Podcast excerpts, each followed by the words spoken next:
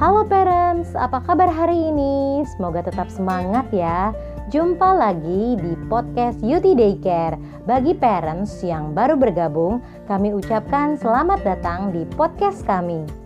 Nah, parents, kali ini kita ngobrol-ngobrol lagi yuk tentang apa sih antisocial personality disorder itu. Yuk kita simak bersama-sama ya. Antisocial personality disorder merupakan suatu kelainan di mana seseorang mengabaikan dan melanggar hak orang lain serta mengulang suatu tindakan ilegal secara terus-menerus dan cenderung memanipulasi serta membahayakan dan tidak bertanggung jawab kepada dirinya sendiri.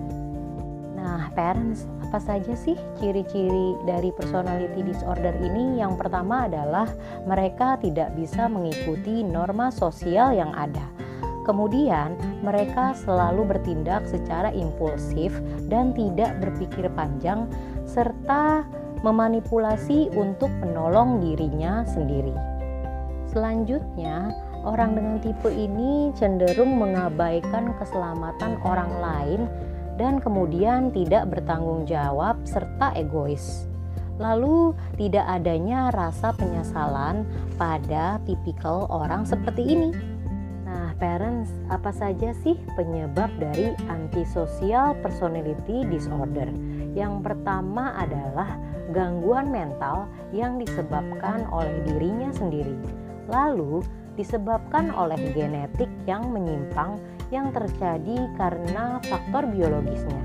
Kemudian, pola asuh terhadap seseorang dan faktor sosial karena situasi sosial dan kultural, serta faktor lingkungan yang ada.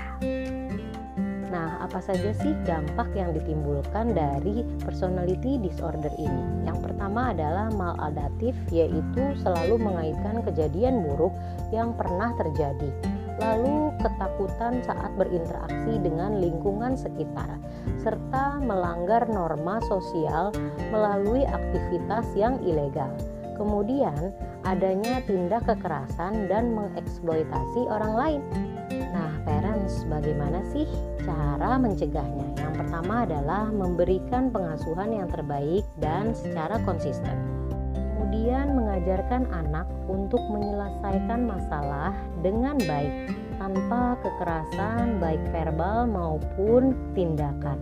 Lalu mendorong anak untuk terbuka dan bertanggung jawab terhadap dirinya serta memilih lingkungan yang baik untuk menunjang tumbuh kembang anak.